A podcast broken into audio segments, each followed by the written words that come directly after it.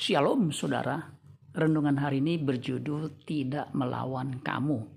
Lukas 9 ayat 50. Yesus berkata kepadanya, Janganlah kamu cegah, sebab barang siapa tidak melawan kamu, ia ada di pihak kamu. Tuhan Yesus berkata demikian karena muridnya mencegah orang lain yang bukan pengikut Kristus mengusir setan. Di Lukas 9 ayat 49 ayat sebelumnya, dikatakan Yohanes berkata, "Guru, kami lihat seorang mengusir setan demi namamu. Lalu kami cegah orang itu karena ia bukan pengikut kita." Inilah ajaran Kristus, menerima orang lain apa adanya, menghargai apa pun yang dilakukan orang lain meskipun mereka bukan sesama Kristen.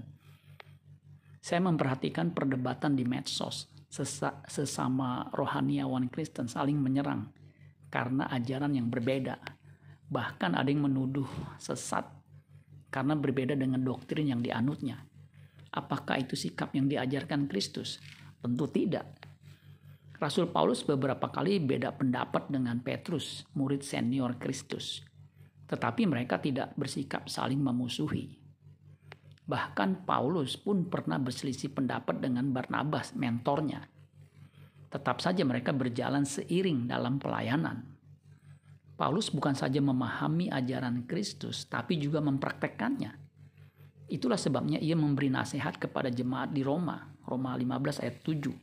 Sebab itu terimalah satu akan yang lain.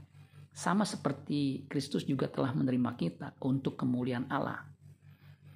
Roma 12 ayat 18 sedapat-dapatnya kalau hal itu bergantung padamu, hiduplah dalam perdamaian dengan semua orang Bagaimana dengan kita? Apakah kita bisa menerima orang lain yang berbeda dengan kita? Amin buat firman Tuhan. Tuhan Yesus memberkati. Sola Gracia.